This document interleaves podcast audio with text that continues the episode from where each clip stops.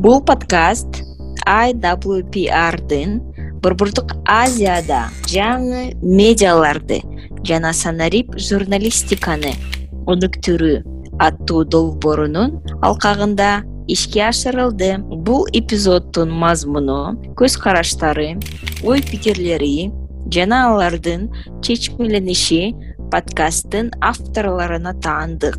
Жана iwprдын расмий көз карашына дал келбеши мүмкүн.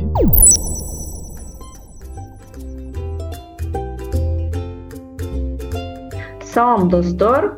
Кайрадан эки дарыгер аттуу подкасттын экинчи сезонунун башында турабыз менин кесиптешим исмаилов эрмек жана мен житимишева бегимай саламатсызбы эрмек? Саламатсызбы. Адегенде биринчи суроомду э, мен сизге узатайын. Биздин бүгүнкү темабыздын аты коронавирустун э, биринчи толкунунун жыйынтыгы эрмек айтыңызчы кандай катачылыктарды биз кетирдик биринчи толкунунда? Саламатсызбы бегимай биринчи толкундун жыйынтыгы боюнча биздин э, кетирген катачылыктар жөнүндө айтып кетсем албетте ар тараптуу катачылыктар болду.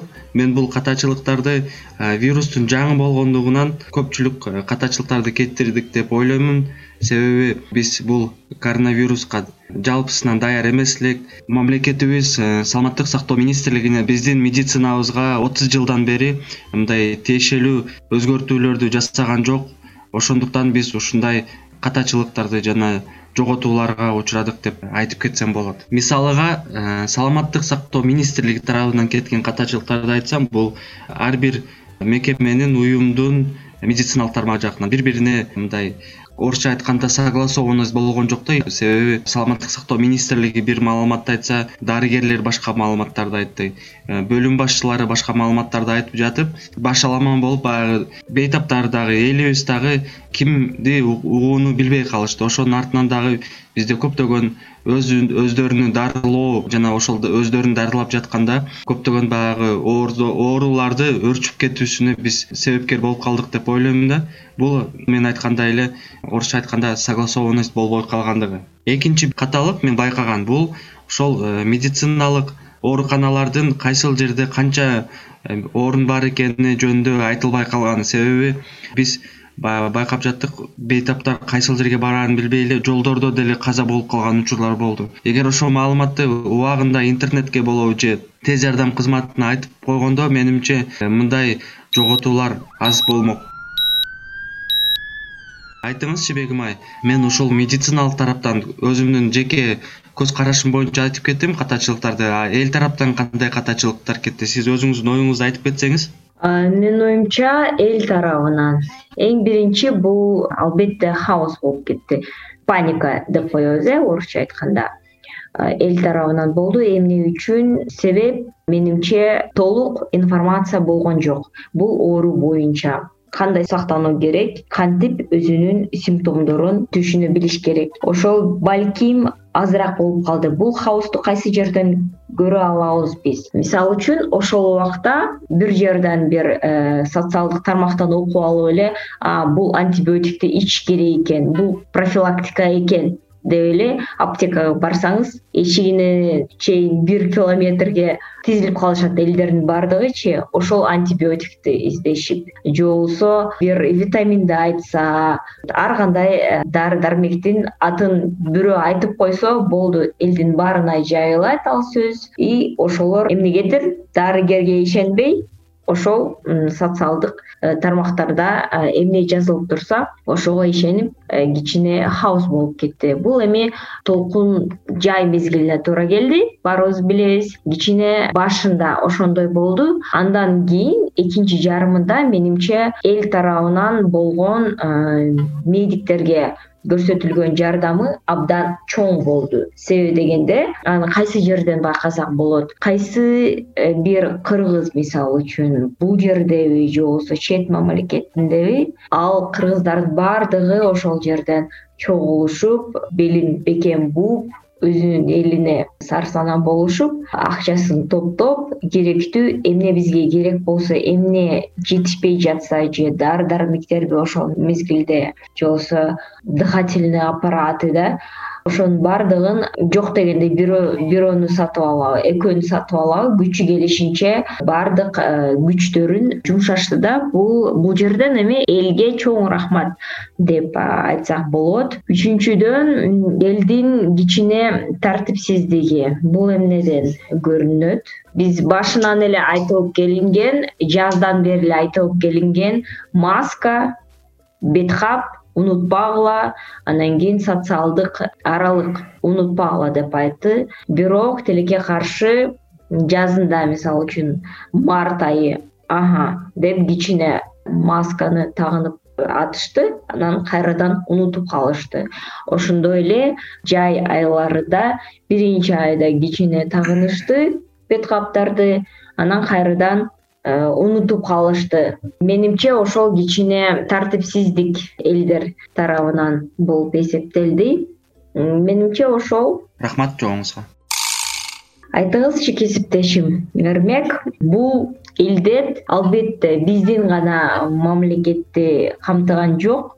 Бул дүйнө жүзүн камтыды. Дүйнө жүзү кандай туруштук берди деп ойлойсуз? Жакшы суроо болду урматтуу кесиптешим бегимай албетте бул вирус бир гана кыргызстанды эмес бүткүл дүйнө жүзү боюнча каптады.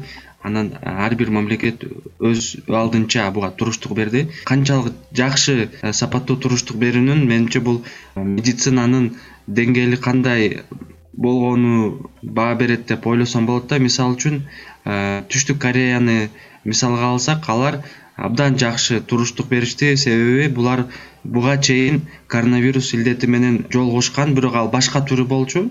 Бирок ошого карабастан алар ошол мурунку коронавирустан жыйынтык чыгарып алып атайын э, ооруканаларды э, курушуп анан баягы коронавирус могу ушул пандемияда болгон учурда алар тез тез кыймылдап баягы коронавирус илдети менен ооруган бейтаптарды ошол ооруканаларга жайгаштырып э, бат эле ошол биринчи толкундан көп жоготуусуз эле жакшы чыгып кетишти.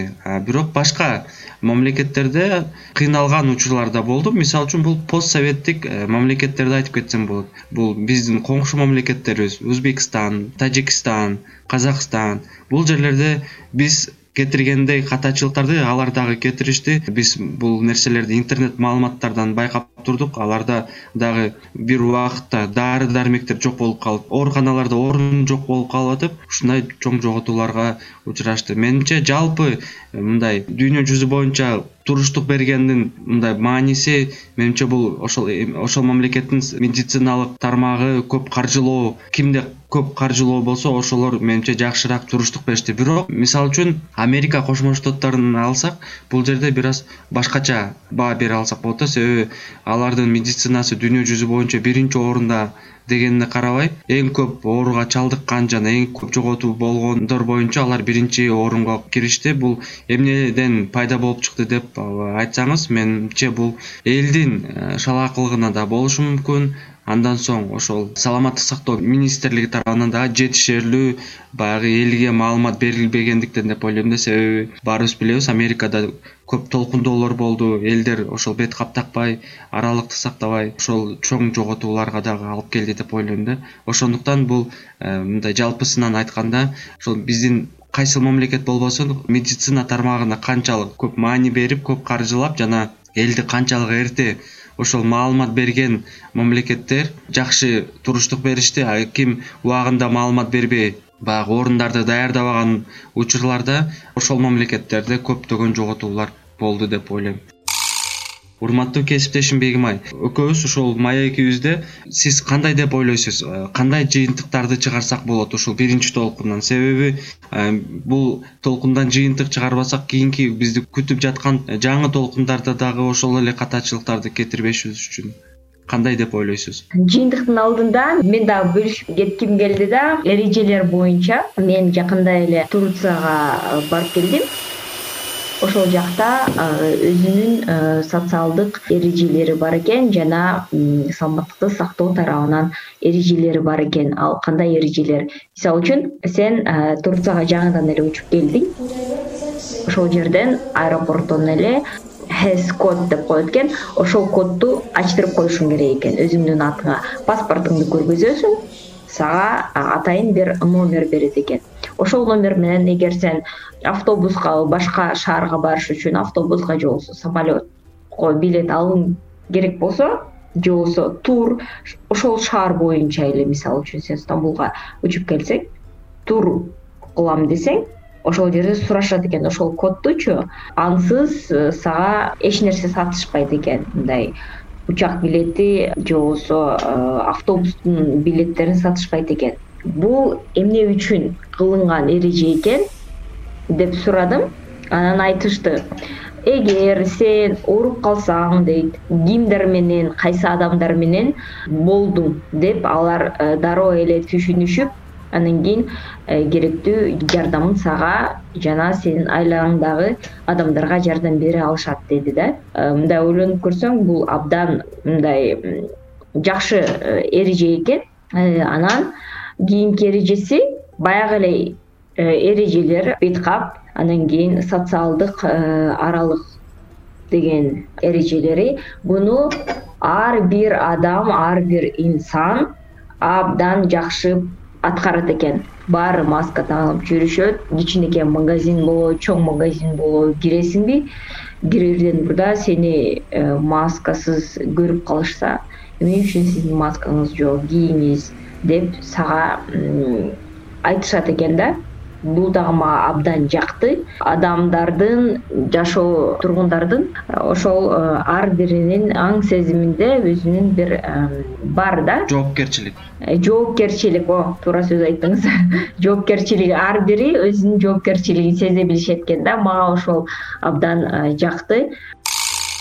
Эми айта турсак жыйынтык боюнча бул бизге абдан чоң сабак болду.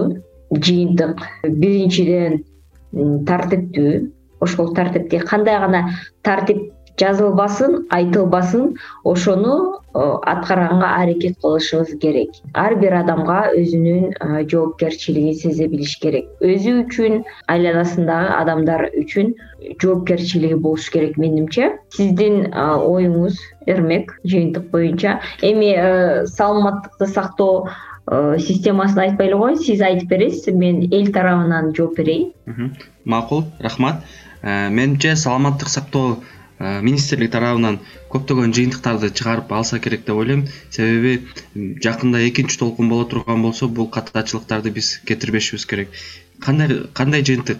Мисалы үчүн бул биринчи иретте баягы бейтапканалардагы орундардын канча бар экени жана жок экени тууралуу маалыматты интернетке берип турса жакшы болмок. Азырынча ооба берип жатат бирок ушул э, кыймыл аракети ошол коронавирус менен күрөшүп жатканда аягына чейин ушинтип баягы бүгүн э, орун жетимиш орун бар бүгүн жүз орун бар деп берип турса элибиз алда канча баягы өздөрүнү кандай десем орусча айтканда спокойно алып жүрүшөт экен дагы.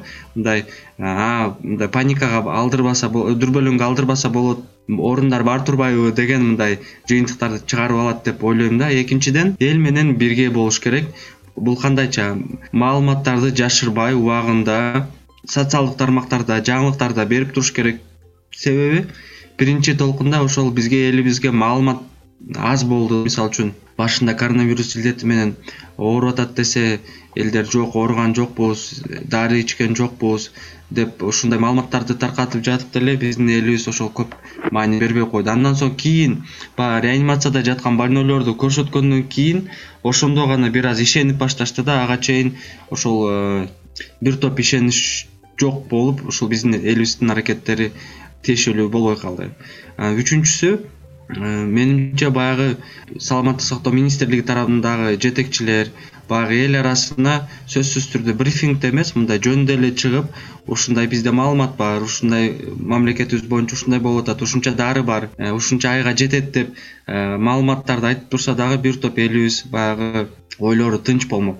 Эгер ушундай кадамдарды убагында аткарып турган болсо менимче кийинки толкундарды дагы жакшы өтүп кетебиз деп ойлойм да дагы бир нерсени айтканга унутуп калыпмын бул жана жеке коргоочу каражаттар тууралуу дагы. Ошол жеке коргоочу каражаттарды дагы баягы үч ай төрт айга жараша э, камтап койсо менимче дарыгерлерге да жакшы болот. Себеби биздин азыркы учурдагы эң кымбат баалуу адамыбыз бул биздин дарыгерлер. Себеби эгер алар ооруп кала турган болсо коронавирус менен күрөшкөнгө э, мындай инсан калбай калат да. Ошондуктан биз ошол дарыгерлерибизди абдан абайлап ошол бүт тарап ар тараптуу колдоо көрсөтүп турушубуз керек. Рахмат. Туура айтасыз. Чоң рахмат эрмек. Анда эмесе достор бүгүнкү биздин подкаст сиздерге кызыктуу болсо керек деп үмүттөнөбүз. Эгер сиздердин сурооңуздар болсо бизге кайрылсаңыздар болот. Эрмек исмаиловго жазсаңыздар болот же болбосо мага бегимай жетимишевага жазсаңыздар болот. Фейсбук телеграм youtube каналдарында баардык баракчаларыбыз бар мына э, бүгүнкү биздин э, подкастыбыз соңуна чыкты. Бизди укканга биз менен болгонго чоң кубанычтабыз. Кайрадан көрүшкөнчө саламатта калыңыздар. Саламатта калыңыздар